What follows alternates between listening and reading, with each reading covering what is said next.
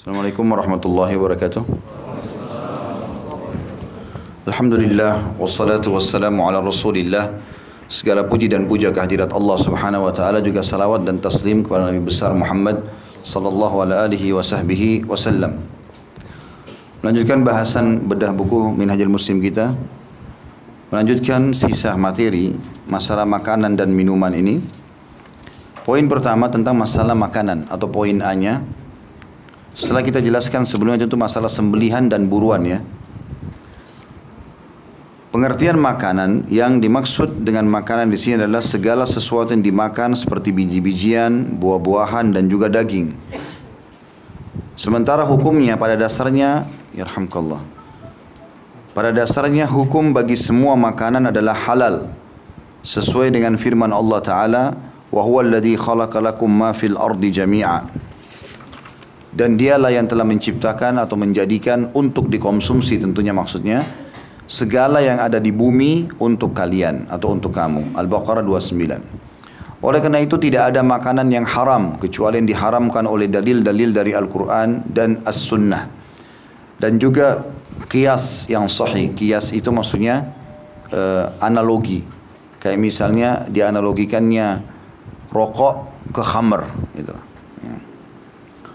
Pembuat syariat telah mengharamkan beberapa makanan karena terdapat bahaya yang dapat mengancam tubuh atau merusak akal. Artinya semua yang diharamkan dalam syariat pasti buruk buat kehidupan kita. Maka tugas kita jauhi, pelajari jauhi. Tidak ada istilah dicoba. Allah subhanahu wa ta'ala juga menciptakan yang haram-haram ini supaya nampak depan mata. Seperti misalnya Allah haramkan babi. Lalu Allah ciptakan babi itu. Lalu keluarlah berbagai macam bahasa. Ini bahasa Indonesia-nya babi, ini bahasa Inggrisnya ini, bahasa Arabnya ini, bahasa apalah dengar-dengar semuanya orang tahu kalau ini babi. Tersebar luas gambar-gambarnya. Semua itu hikmahnya adalah supaya kita tahu oh ini yang diharamkan. Andai saja ada yang mengatakan Ustaz, kenapa Allah ciptakan babi sementara Allah sudah haramkan? Gitu kan? Maka jawaban kami sederhana. Karena Allah ingin menguji hambanya. Ini loh yang saya haramkan, kamu terima gak? Seperti peraturan perusahaan. Peraturan perusahaan umum saja itu ya. Ada janji-janji positif bagi pegawai yang bagus kerjanya, ada juga ancaman bagi orang yang melanggar. Antum baru masuk kerja, walaupun masih baru masuk kerja sudah dijelaskan nanti kalau kerja sini sekian jam gajinya ini ini ini dan kalau melanggar ada ancaman ini dan itu. Ya. Tujuannya ancaman itu bukan untuk dicoba, tapi kalau kau terjerumus kau akan kena hukumannya, kan gitu. Kau kerjakan apa yang diperintahkan kau akan dapat pahalanya seperti atau balasannya gajimu misalnya kalau di kantor. Seperti itulah. Jadi nanti hari kiamat manusia tidak akan pernah lagi membangkang kepada Allah. Misalnya dia, mereka kalau mengatakan kenapa Allah ciptakan babi sementara babi diharamkan ya supaya kita tahu mana yang Allah haramkan itu. Dan Allah jadikan sebagai ujian. Andai saja Allah tidak ciptakan babi. Kan masih ada alasan manusia hari kiamat. Ya Allah, engkau haramkan babi tapi kami tidak tahu mukanya. Hah? Kami tidak tahu suaranya. Ini loh babi, ini suaranya, ini, ini namanya ini penelitian Allah mudahkan para ilmuwan teliti babi itu ada ini ini ini supaya ditinggalkan.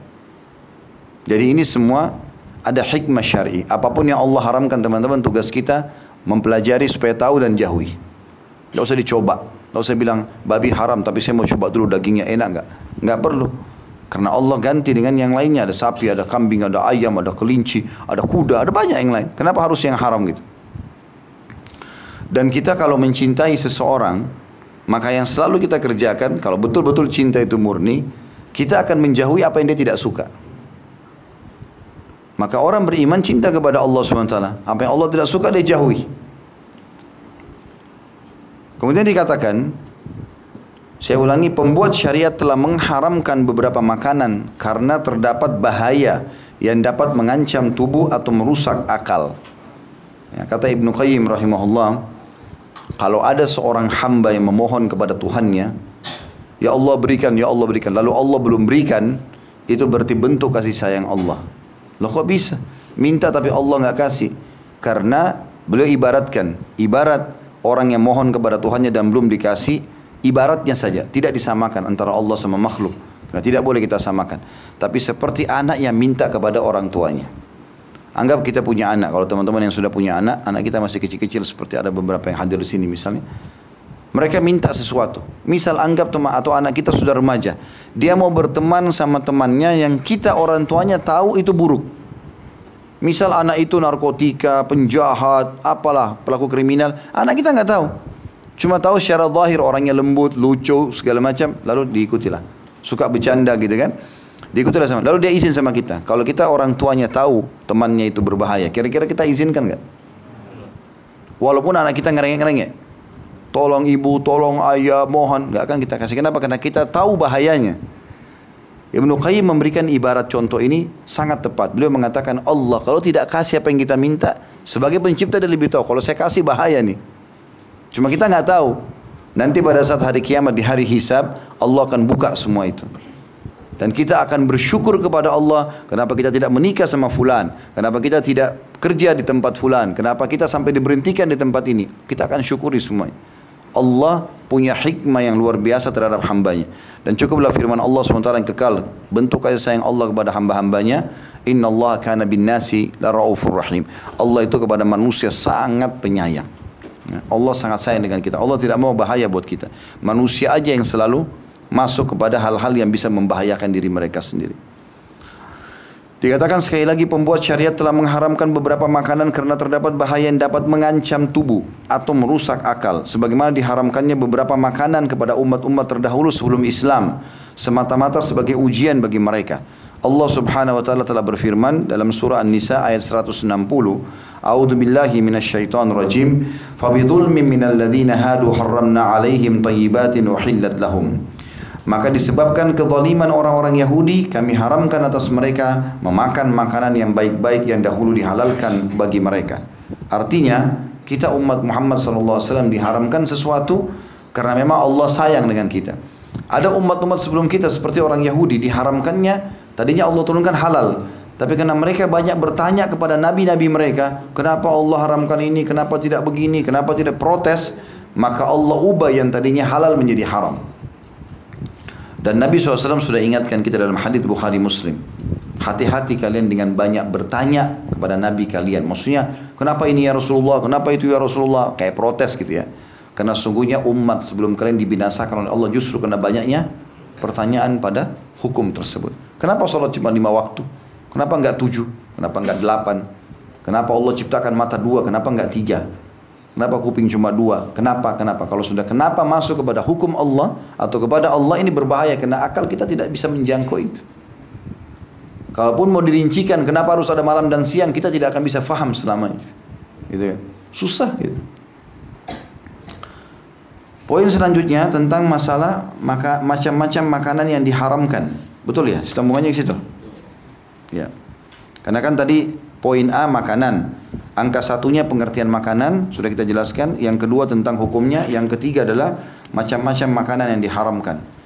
Di dalam poin nomor tiga ini ada beberapa catatan lagi. Yang pertama adalah makanan atau poin A-nya makanan yang diharamkan berdasarkan dalil dari Al-Quran. Yaitu makanan orang lain yang diperoleh bukan dengan cara-cara yang dibenarkan syariat. Jadi bukan hak dia, dia ambil, menipu orang. Berdasarkan firman Allah Ta'ala dalam surah Al-Baqarah ayat 18 atau 188. A'udzu billahi rajim amwalakum bainakum bil batil. Dan jangan janganlah sebagian kamu memakan harta sebagian yang lain di antara kamu dengan jalan yang batil. Kemudian juga sabda Nabi SAW, "Fala yahlubanna ahadun masyiyata ahadin illa biidni." Dan janganlah seseorang memerah susu binatang peliharaan orang lain kecuali dengan seizinnya. Hadis riwayat Bukhari nomor 2435, Imam Muslim 1726. Jadi ini makanan yang diharamkan yang pertama dalam Al-Quran, yaitu makanan orang lain. Ya. Ada pengecualian di sini, masalah memakan makanan. Kalau kita memakan di rumah orang tua, di rumah saudara, khusus masalah makanan ya, di rumah sahabat dekat, yang memang dasarnya kita memang tiap hari makan di situ. Atau setiap saat kita makan. Atau kita sudah tahu memang kita masuk ke ruang tamu, kue yang ditoples itu mungkin sudah dihidangkan atau memang dia hidangkan atau dia sudah bahasakan sebelumnya. Kalau itu memang orang-orang yang sudah rutin kita interaksi dan memang itu dia sudah anggap kita bagian daripada dia sehingga setiap saat kita bisa makan gitu kan. Tapi kalau kita tamu umum nggak boleh. Kita baru bertamu sekali, dua kali, tamunya masih dalam kamar, lihat ada toples, buka, ini enak nih, ini nastar, ini apa, ini apa, main sikat orang punya. Pas yang punya rumah keluar sudah habis setengah toples. Nggak boleh. Tetapi yang diperkecualikan adalah rumah-rumah kayak rumah orang tua, memang kita datang makan. Orang tua kita masuk ke rumah kita sudah dia makan, gitu kan? Itu biasa. Ini masuk dalam masalah ini juga adalah mengambil uang yang menjadi penyebab makanan dibeli. Karena tidak boleh juga mengambil harta orang lain secara batil. Intinya bukan punya kita jangan disentuh. Ya. Ini sudah pernah kita jelaskan juga di dalam bab luqata. Barang atau benda yang ditemukan di pinggir jalan. Jangan disentuh. Tidak usah jadi pahlawan kesiangan. Udah jatuh handphone, jatuh uang, biarin aja. Nanti orangnya datang ambil. Kecuali keadaannya benda itu atau uh, materi tersebut jatuh di tempat yang kita memang punya hak di situ. Misalnya tamu bertamu, duduk di sofa kita, dia keluar, handphonenya ada, kita amankan. Takut ada tamu lain datang. Kan?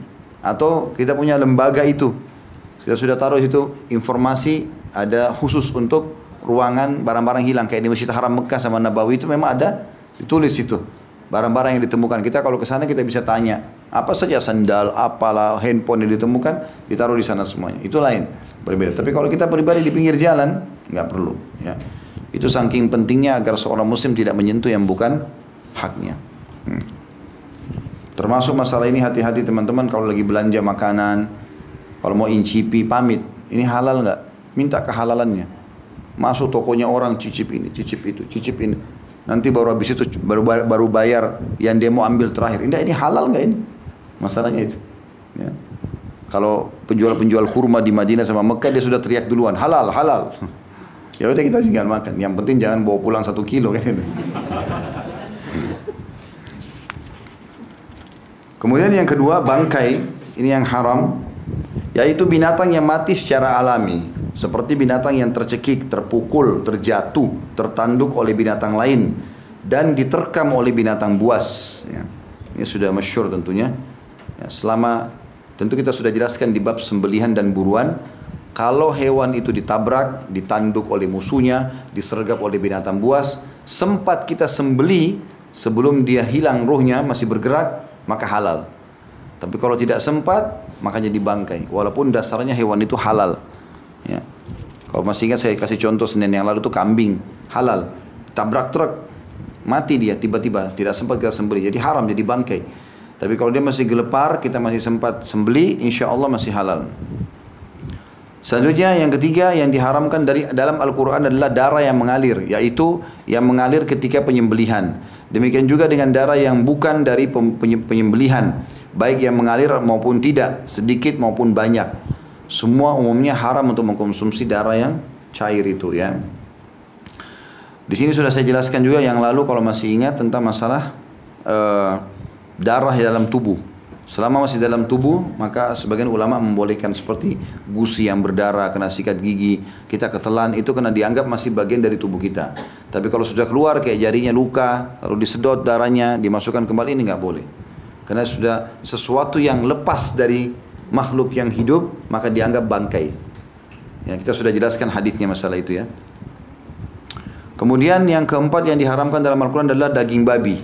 Ini subhanallah babi ini teman-teman sekalian satu-satunya hewan yang Allah sebutkan namanya dalam Al-Quran. Hewan lain ciri. Harimau, singa, bertaring. Tak boleh. Gitu kan? Burung-burung, burung elang, burung itu yang mencengkram. Tapi subhanallah babi ini tidak berbeda. Dia tidak bertaring. ya, Tidak juga menyerang dengan cengkramannya. Bahkan dia cenderung menjadi hewan yang penakut gitu kan. Tetapi subhanallah Allah subhanahu wa sebutkan namanya. Haram. Ya. Kata beliau semua yang masuk dalam babi ini demikian pula seluruh bagian tubuhnya, darah, lemak dan lain-lainnya. Hati-hati dengan hadis Nabi SAW tentang orang Yahudi. Beliau mengatakan semoga Allah membinasakan kaum Yahudi karena pada saat Allah haramkan untuk mereka lemaknya bangkai, kan bangkai haram, lemaknya juga nggak boleh. Semua berhubungan dengan bangkai itu nggak boleh. Tapi rupanya orang Yahudi mengakalinya, lalu mereka mensiasatinya dengan cara mengeluarkan lemak hewan itu dicairkan, dipanasi jadi minyak, lalu mereka jual. Lemaknya hewan yang bangkai tadi dijual lagi sama mereka. Padahal dasarnya mau dikelola bagaimanapun tetap haram. Ya. Kemudian yang kelima yang diharamkan dalam Al-Quran adalah binatang yang disembeli bukan karena Allah. Yaitu disebutkan nama selain Allah SWT pada saat menyembeli binatang tersebut. Jadi baik menyebut misalnya ini saya persembahkan untuk penjaga gua ini, penjaga laut ini, pohon keramat ini, itu sudah jelas nggak boleh, gitu kan? Atau memang dia menyebut nama Allah kata sebagian ulama, tapi dia peruntukkan niatnya untuk uh, lautan, untuk pohon, tidak dimakan, mubazir hewan itu disembeli, dilempar ke laut, dilempar ke gua, taruh di pohon. Ini semua termasuk sama, haram, tidak boleh perbuatannya dia tidak boleh dan dagingnya juga dianjurkan untuk tidak dimakan gitu kan.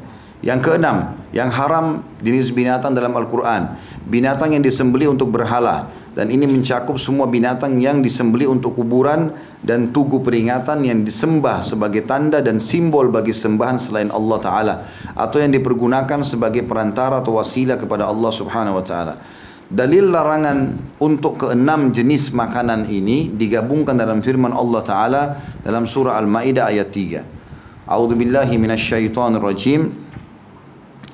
Hurrimat alaikumul maitatu wad damu wa lahmul khinziri wa ma uhilla li bihi wal munkhaniqatu wal mawqudatu wal mutaraddiyah wal mutaraddiyatu natihatu wa ma akala as-sab'u illa ma wa ma an-nusub. Al-ayah. Diharamkan bagimu memakan bangkai darah, daging babi, daging hewan yang disembeli atas nama selain Allah, yang tercekik, yang terpukul, yang jatuh, kemudian mati maksudnya, yang ditanduk, yang diterkam binatang buas, kecuali yang sempat kamu menyembelihnya dan diharamkan bagimu juga yang disembeli untuk berhala. Yang disembeli untuk berhala. Jenis-jenis makanan tersebut diharamkan berdasarkan Al-Quran yang mulia. Sekarang kita masuk makanan yang diharamkan berdasarkan larangan Nabi SAW atau sunnah-sunnah Nabi SAW. Yang pertama keledai piaraan. Walaupun kita sudah jelaskan yang lalu ini ya. Sempat ter, tercampur baur antara halaman kemarin tapi ini insya Allah kita jelaskan kembali. Keledai adalah hewan yang mirip dengan kuda tapi lebih kecil. Tepatnya keledai itu seperti zebra. Biasanya perbedaan sama kuda dia lebih pendek, uh, kemudian bagian hidungnya hidungnya lebih lebar gitu kan. Uh, juga kalau salah giginya lebih besar ya dibandingkan yang lain. Maka keledai, keledai ini umumnya tidak ada di Asia Tenggara. Dia adanya di Timur Tengah, biasa daerah padang pasir segala macam. Warnanya abu-abu atau coklat-coklatan.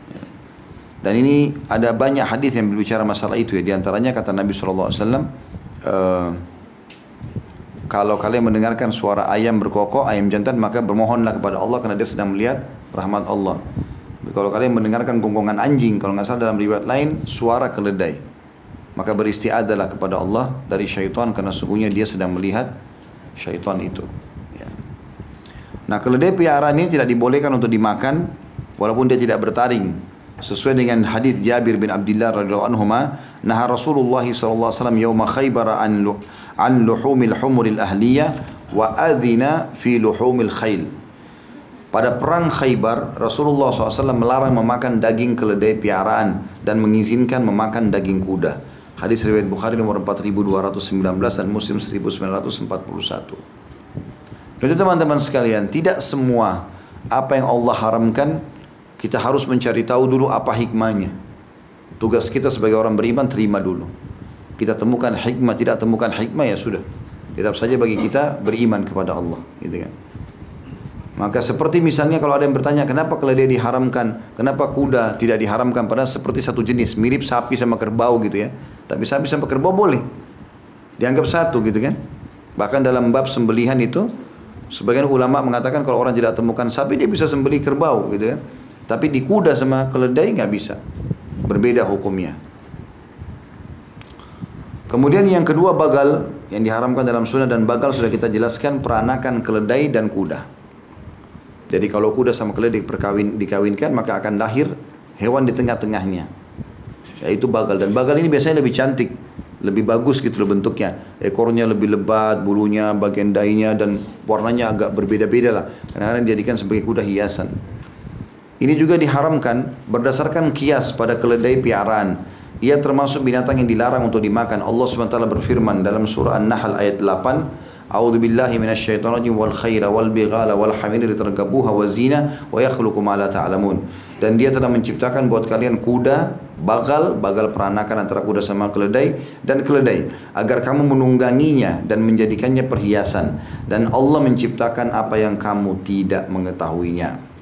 Ini adalah dalil yang menentukan larangan memakannya. Jika ditanya bagaimana daging kuda dihalalkan sedangkan dalil tentang kuda dan bagal adalah sama. Jawabannya adalah bahwa kuda dikecualikan oleh nas yang merupakan izin Rasulullah SAW yang memakan untuk memakannya sebagaimana disebutkan dalam hadis Jabir yang tersebut di muka. Kan dalam ayat tadi surah An-Nahl ayat 8 perhatikan di sini Allah sebutkan tiga-tiganya kuda, bagal dan juga keledai. Semua ini fungsinya hanya untuk dimakan dan perhiasan. Begitu makna ayat ini. Ma, untuk ditunggangi dan dijadikan perhiasan, bukan dimakan. Artinya makan tidak boleh. Kuda, bagal dan keledai hanya untuk ditunggangi, ditarkabuha wazina dan perhiasan. Ya. Maka berarti tidak boleh dimakan. Ini dalil tentang haramnya bagal dan juga ya, uh, keledai. Kalau ada yang mengatakan kata Syekh Abu Bakar rahimahullah, kan kuda juga sama masuk, kuda juga dilarang. Maka beliau mengatakan kalau kuda dikecualikan dengan hadis Jabir tadi. Ya, di poin nomor satu tadi bahwasanya Nabi SAW melarang kami memakan atau mengharamkan keledai piaraan di hari Khaybar dan menghalalkan kuda. Ya. Yang ketiga yang diharamkan dalam sunnah Nabi SAW adalah setiap binatang yang memiliki taring dari binatang buas seperti singa, macan, beruang, panter, gajah, serigala, anjing, anjing hutan, musang, buas, rubah, tupai, dan lain-lain yang memiliki taring yang dipergunakan untuk memangsa binatang lain. Kemudian yang keempat, binatang yang memiliki memiliki cakar dari jenis burung seperti elang yang tajam penglihatannya, elang pemburu Garuda, elang pemburu India ini sebenarnya istilah-istilah semua burung elang ya. Raja Wali, kemudian diurang lagi masalah elang ini ada burung hantu dan lain-lain yang memiliki cakar yang dipergunakan untuk memburu. Berdasarkan pernyataan Ibnu Abbas radhiyallahu anhu nah Rasulullah SAW an kulli dhi nabin minas siba' wa an, wa an kulli dhi mikhlabin minat tuyur. Rasulullah SAW melarang setiap binatang yang memiliki taring dari binatang buas dan setiap binatang yang memiliki cakar dari jenis burung. Hadis ini riwayat Imam Muslim nomor 1934. Kemudian selanjutnya binatang yang dilarang untuk dikonsumsi dari sunnah Nabi SAW yang kelima yaitu jalalah. Ini maksud dengan jalalah adalah hewan yang memakan kotoran yaitu hewan yang sebagian besar hidupnya memakan kotoran dari hewan ternak dan sejenisnya. Contohnya ayam. Sebagaimana diriwayatkan oleh Abu Daud nomor 3785 dari Ibnu Umar anhuma bahwasanya dia berkata, "Naha al-luhumil jallalati wa albaniha." Nabi SAW melarang memakan daging jallala dan susunya. Hewan jenis ini atau jalala tidak boleh dimakan dagingnya kecuali setelah ditahan beberapa hari sehingga ia tidak memakan kotoran dan dagingnya bersih dari kotoran tersebut. Susunya juga tidak boleh diminum kecuali setelah ditahan beberapa hari sehingga tidak memakan kotoran dan susunya menjadi bersih. Ayam halal, tapi kalau ada jenis ayam mungkin dia keluar dari komunitas umumnya ayam itu, dia makan daging eh, kotoran-kotoran, semua yang dimakan maka ini tidak boleh langsung dipotong. Di karantina beberapa hari, dikasih makanan-makanan sehat ya dari jagung, dari biji-bijian ini beras segala macam, diberikan air yang sehat baru kemudian boleh diminum. Kalau susu untuk seperti sapi, kambing ya. Kalau memang ada hewan-hewan ini jarang sekali terjadi. Tapi kalau ada hewan-hewan ini yang makan kotoran berarti dia masuk dalam jenis jalala. Gak boleh langsung disembelih. Harus di di, di ini dulu, di karantina dulu baru kemudian boleh.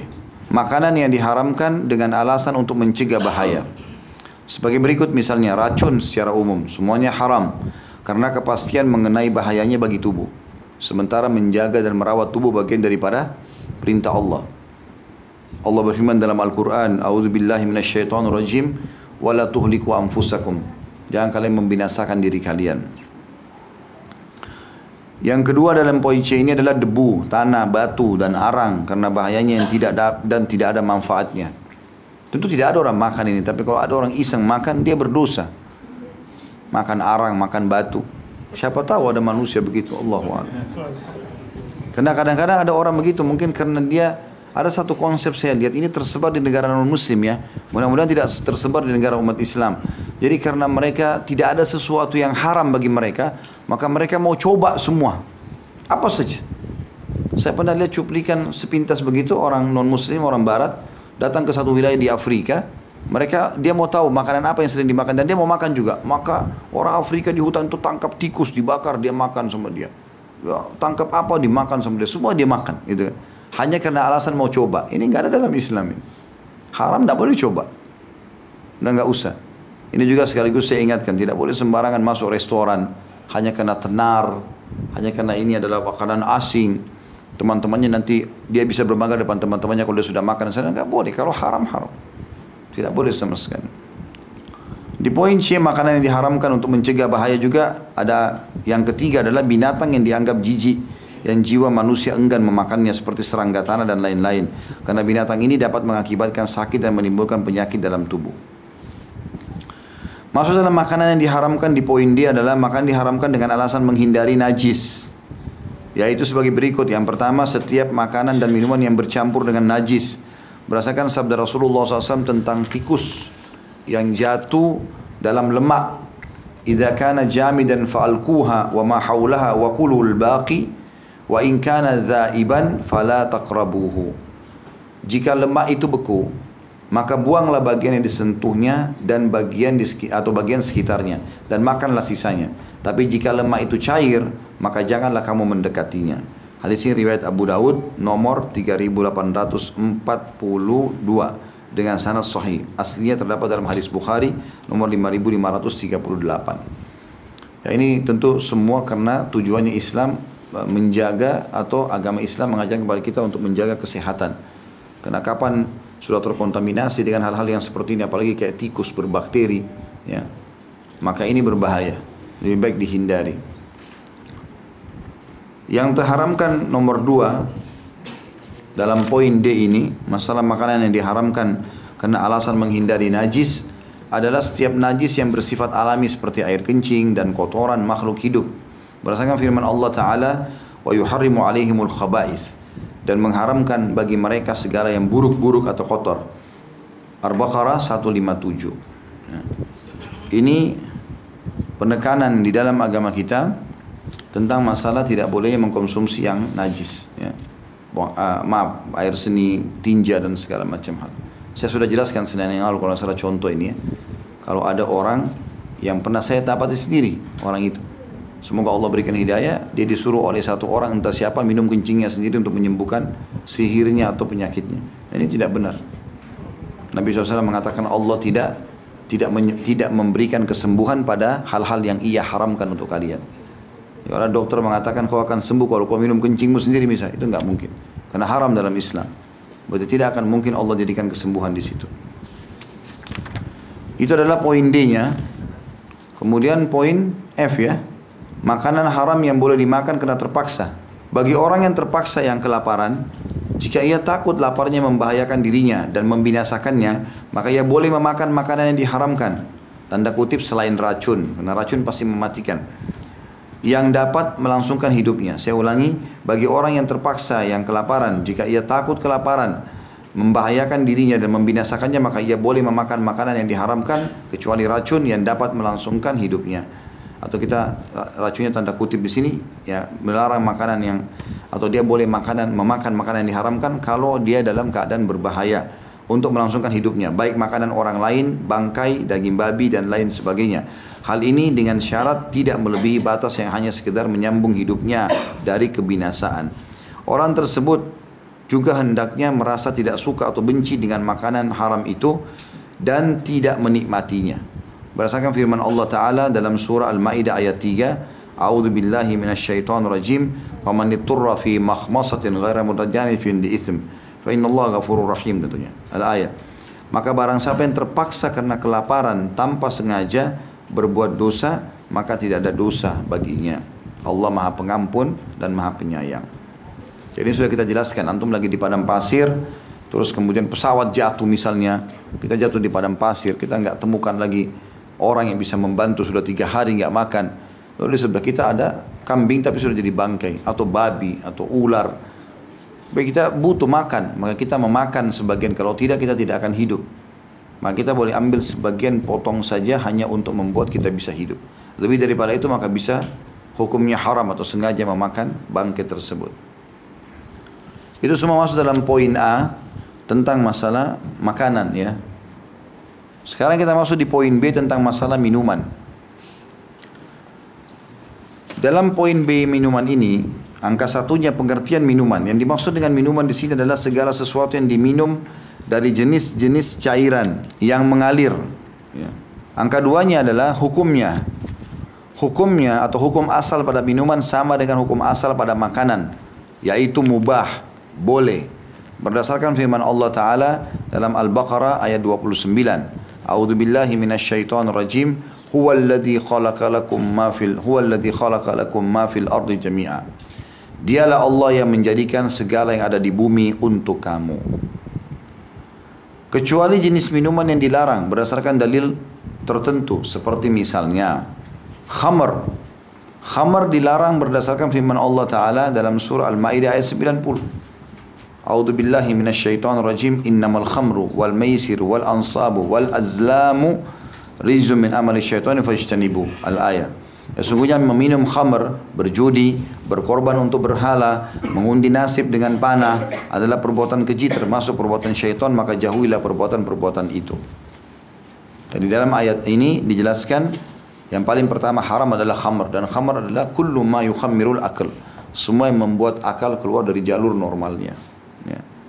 Maka itu haram hukumnya. Baik itu cairan ataupun bubuk Masuk dalam sini narkotika, ya, serbuk-serbuk, tablet dan segala macam. Itu masuk dalam istilah khamr.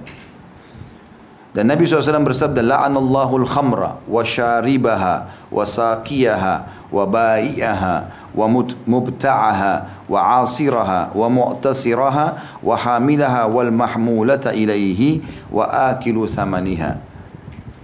Allah melaknat khamr. Jadi mirip tadi kalau anda mengatakan Kenapa Allah ciptakan hamar sementara Allah haramkan? Ya untuk cobaan. Sebagaimana tadi babi sudah saya jelaskan. Allah melaknat khamar itu sendiri. Allah angkat semua berkahnya. Artinya tidak ada manfaat sama sekali minum khamar. Ya. Yang, yang diharapkannya dari kesehatan, dari segala macam. Orang yang meminumnya juga dilaknat. Dan orang yang memberikannya kepada orang lain. Penjualnya dan pembelinya. Pembuatnya dan orang yang meminta untuk dibuatkannya pembawanya dan penerimanya dan orang yang memakan hasil penjualannya. Hadis ini riwayat Abu Daud nomor 3674 dan Hakim jadi dua halaman 37 dengan sanad sahih. Ya. Jadi kalau teman-teman ini pengalaman saya saya pribadi kalau masuk ke sebuah hotel saya pernah masuk ke hotel mungkin apalagi yang kota yang banyak kunjungannya dikunjungi oleh orang-orang non muslim biasanya mereka siapkan khamar di kamar itu gratis sudah, dimasukkan dalam pembayaran kamar. Kita mau nggak mau, nggak bisa kita bilang potongin buat saya pembayaran itu. Ya, karena dia cuma taruh satu kaling atau dua kaling, apalah bir atau yang lainnya gitu. Saya pernah temukan bahkan ada hotel dikasih botol besar seperti minuman anggur gitu, udah masuk include dibayar dalam masalah itu. Kita nggak bisa nolak. Maka yang saya ajarkan atau saya berbagi sama ikhwan yang ada sama saya, kita buang aja. Ini kan sudah kita bayar nih, Udah kita amar ma'ruf nahi mungkar, buka, buang di WC. Itu sempat kita shooting ambil gambarnya supaya kita amar ma'ruf nahi mungkar gitu kan. Jangan kita biarkan. Oh ini khamr saya nggak bisa minum. Iya, tapi kalau kita biarkan maka hotel akan kasih ke orang lain. Ya. Nah ini berbahaya, maka kita buang gitu. Ya. Baru kemarin juga saya diundang satu kota, begitu juga saya temukan di hotelnya ada. Saya ke reception dia bilang semua yang ada di atas itu sudah gratis pak, sudah include semuanya. Baik, saya buka kulkasnya ada minuman itu. Saya bilang sama keluarga saya ini kita buang. Kalau kita biarkan malah jadi diambil oleh mereka gitu kan. Udah kita buang di wastafel sambil dialirkan airnya supaya tidak ada yang menguap baunya dan segala macam. Alhamdulillah. Gitu kan. Karena ini semua berbahaya sekali. Allah melaknat khamarnya sendiri. Orang yang meminumnya. Orang yang memberikan kepada orang lain. Penjualnya, pembelinya, pembuatnya. Dan orang yang meminta untuk dibuatkan pembawanya dan penerimanya dan orang yang memakan hasil penjualannya. Itu yang pertama yang diharamkan dari jenis minuman. Yang kedua adalah semua jenis minuman yang memabukkan dan minuman-minuman beralkohol berdasarkan sabda Rasulullah SAW sebenarnya antara khamr sama ini sama ya. ya cuman ini mungkin beliau ingin rincikan lebih jauh. Karena kalau kita bilang khamr berarti dasarnya minuman keras, minuman yang tidak benar gitu Tetapi kalau yang di poin B-nya minuman yang memabukkan dan minuman minuman beralkohol berarti tidak harus khamr. Misal obat batuk kan dikasih alkohol sekarang, gitu kan? Saya pernah ingatkan tuh kalau antum ke apotek beli obat batuk bilang saya minta obat batuk tanpa alkohol. Ya, obat kumur-kumur mouthwash yang biasa kita beli. Ada jenis itu beralkohol. Cari yang free alkohol. Kumur-kumur masuk ke tenggorokan kita masuk semua itu. Contoh saja. Tapi itu bukan khamr. Dasarnya itu mouthwash bukan khamr. Dasarnya obat batuk bukan khamr. Cuma karena ditaruh alkohol. Makanya Syekh Abu Bakar rahimahullah memisahkan sedikit di sini poin antara khamr dengan minuman yang beralkohol. Jadi sudah faham tentang poin B ini ya masalah minuman beralkohol ya. Dia tidak harus khamr. Dia bisa saja minuman halal. Misalnya susu, tapi antum cemplungin alkohol. Maka dia haram karena cemplungan itu. Walaupun dia dasarnya bukan khamr. Tapi dia menjadi dilarang gara-gara itu. Berdasarkan firman Allah Subhanahu eh, berdasarkan sabda Nabi SAW, "Kullu muskirin khamr wa kullu khamrin haram. Setiap minuman yang memabukkan adalah khamr dan setiap khamr adalah haram. Ya. Ini hadis diriwayatkan Imam Muslim nomor 2003. Saya sempat jalan sama seorang ikhwah berapa waktu lalu ke pengajian.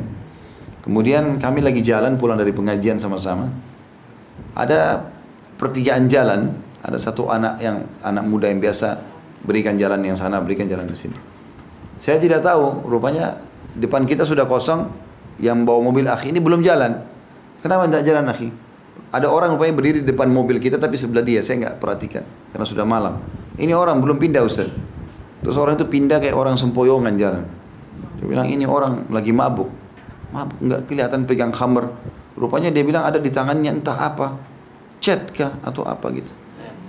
Lem. Yang di itu terus mabuk, hirup terus mabuk. Nah ini masuk dalam masalah ini. Saya juga baru tahu kemarin. Alhamdulillah saya baru tahu. Kalau baru tahu sekarang berarti tidak akan pernah coba alhamdulillah. Kenapa kok orang buat begitu? Ya dia bilang itu cara mabuk yang paling murah. kok antum tahu? Dia bilang saya juga masa lalu kan. Nah, itu cara yang paling murah untuk mabuk. La haula wala quwata illa billah. Baik. Di yang ketiga, yang minuman yang diharamkan adalah campuran ekstrak dari atau campuran ekstrak atau campuran cairan yang diperas dari dua jenis campuran yaitu zahwa atau permulaan kurma yang berwarna merah ber, bercampur kuning dengan kurma basah atau kismis anggur kering dengan kurma basah. Dalam satu wadah kemudian diberi air sehingga menjadi minuman yang manis. Baik memabukkan ataupun tidak. Berdasarkan larangan Rasulullah SAW atas hal itu dengan sabda beliau la tantabidu uh, la tantabidu zahwa warrutaba jami'an wa la tantabidu zabiba wat tamra jami'a. Walakin tabidu kulla wahid minhuma ala hidatihi. Janganlah membuat permentase atau fermentasi jangan membuat fermentasi dari kurma matang dengan kurma ranum secara bersamaan dan jangan membuat fermentasi dari kismis dengan kurma secara bersamaan tapi buatlah minuman dari masing-masing uh, atau dari masing-masing sendiri-sendiri hadis ini diriwayatkan oleh Imam Bukhari nomor 5600 dan Imam Muslim 1988 Hal tersebut dikarenakan campuran itu dapat dengan cepat menimbulkan kemabukan. Maka untuk mencegah ke arah sana Rasulullah SAW melarangnya. Dari sini tentu diambil pelajaran kalau sendiri-sendiri misalnya cuman kismis yang direndam dan tidak sampai memabukkan berarti tidak masalah. Tapi kalau digabungkan antara kismis sama kurma matang, rutab, rutab itu terutama sudah sangat matang. Ditaruh air, dibiarkan satu dua hari nanti dia agak berbusa, maka mulai beralkohol. Hukumnya jadi haram tentunya. Ya. Termasuk yang dilarang yang keempat adalah urin atau air kencing hewan yang haram dimakan dagingnya karena najis dan najis adalah haram. Semua hewan yang haram dimakan tadi itu tidak boleh juga ya disentuh atau kencingnya ya disentuh ataupun diminum. Selanjutnya yang kelima adalah susu binatang yang dagingnya haram dimakan kecuali air susu ibu boleh dikonsumsi. Ya. Maksudnya semua binatang yang haram dimakan dagingnya seperti misalnya singa, harimau, kan dia juga punya susu buat bayinya. Dagingnya haram, susunya juga haram. Kecuali ibu boleh diminum susunya. Maksudnya kita sekarang, saya tanya ikhwas sekalian dan akhwat, kenapa kita nggak boleh makan manusia? Apa sebabnya? Hah? Punya taring. Karena kita bertaring. Kita termasuk daba atau hewan melata di muka bumi yang bertaring. Makanya manusia nggak boleh makan sebagaimana diharamkan dari singa dan segala macam itu kan. Kita nggak boleh memakan itu. Nah, kalau haram dimakan dagingnya berarti haram juga susunya kan begitu kaidahnya tadi. Kalau manusia nggak boleh dimakan, berarti susunya juga bisa masuk begitu. Tetapi ada pengecualian khusus masalah susu ibu. Ini yang dimaksudkan dengan kalimat ini tadi. Kemudian selanjutnya yang ketujuh adalah Minuman yang telah pasti bahayanya bagi tubuh seperti minyak, gas dan sejenisnya. Yang kedua itu tentu sudah tahu ya. Kalau ada orang minum ini luar biasa. Ya. Yang kedelapan, semua segala jenis hisapan yang berasap seperti tembakau, ganja, heroin dan selainnya karena membahayakan bagi tubuh dan sebagiannya memabukkan, sebagian lagi melemahkan semangat dan sebagian lagi membuat polusi udara yang mengganggu kesehatan yang ada di sekitarnya, baik manusia maupun malaikat. Hal ini dilarang sesuai dengan syariat. Ya. Jadi semua yang berbau hisapan seperti ini. Tembakau berarti sudah jelas rokok ya. Nah, sudah kita jelaskan masalah itu. Ganja dan heroin juga ini sama baik daunnya ataupun yang sudah ditumbuk dihancurkan menjadi serbuk ya. Dan ini karena membahayakan tubuh dan sebagainya juga memabukkan. Sebagian lain melemahkan semangat. Ya, karena orang jadi malas pada saat itu ya. Orang kalau sudah suntik-suntik badannya segala macam, orang jadi lemas, jadi malas gitu. Sebagian lagi membuat polusi udara. Ya. Di sini mungkin kita bisa ambil polusi udara bagi teman-teman ya. Ini subhanallah mungkin masalah sederhana. Tetapi kalau antum punya kendaraan, maka seringlah servis kendaraan itu. Karena sering kali kalau kita nggak servis asapnya jadi hitam. Dan itu mempengaruhi polusi udara. Ini bahaya, kita bisa menyebarkan bahaya bagi orang lain itu berdosa. Ada pernah saya lewat di jalan di Sudirman itu hari hitam semua. Tapi langit lagi terang, hitam dari mana nih? Sampai kita susah melihat di depan. Nah, ada satu bus di depan itu udah tua, udah keluarin asap jalan di situ dan diizinkan. Ini kan mengganggu orang lain gitu. Ya. Yang terakhir ya dalam poin ini adalah yang dilarang dari minuman apa yang diperbolehkan bagi orang yang terpaksa? Diperbolehkan juga atau ini maksudnya poin peringatan tentang masalah ini ya. Apa yang diperbolehkan bagi orang yang terpaksa diperbolehkan juga bagi orang yang tersedak untuk menelan apa-apa yang melekat pada tenggorokannya dari makanan dan sejenisnya dengan khamr jika ia tidak menemukan yang lain sebagai upaya untuk mempertahankan hidup. Seperti diperbolehkannya bagi orang yang sangat haus yang ditakutkan meninggal untuk meminum apa saja yang dapat melegakan dahaganya dari minuman-minuman yang dilarang. Hal ini berdasarkan firman Allah Ta'ala illa maturirtum ilai kecuali yang kalian terpaksa untuk memakannya. Surah An-An'am 119. Jadi contohnya seperti kalau kita lagi tadi di padang pasir contoh, ya jatuh pesawatnya di sana atau dia naik mobil kemudian habis bensinnya, dia tidak tahu di arah mana dia harus pulang. Tiga hari nggak makan, tiga hari nggak minum. Maka dia temukan misalnya ada botol khamr, ada minuman. Dia harus minum, kalau enggak dia meninggal. Maka dia cukup minum untuk menghilangkan dahaganya saja. Ini mirip dengan makanan tadi tentunya. Mirip dengan makanan tadi yang sudah kita bahas. Baik, saya rasa tidak usah kita buka dulu bab ini karena bab ini bersambung satu sama yang lain tentang masalah kriminal ya. Insya Allah kita berikan kesempatan untuk bisa wudhu dan sholat asar insya Allah. Mungkin tutup dulu sampai situ ketemu lagi di sini akan datang insyaallah. Subhanakallahumma bihamdika asyhadu an la ilaha illa anta astaghfiruka wa atubu ilaik. Wassalamualaikum warahmatullahi wabarakatuh.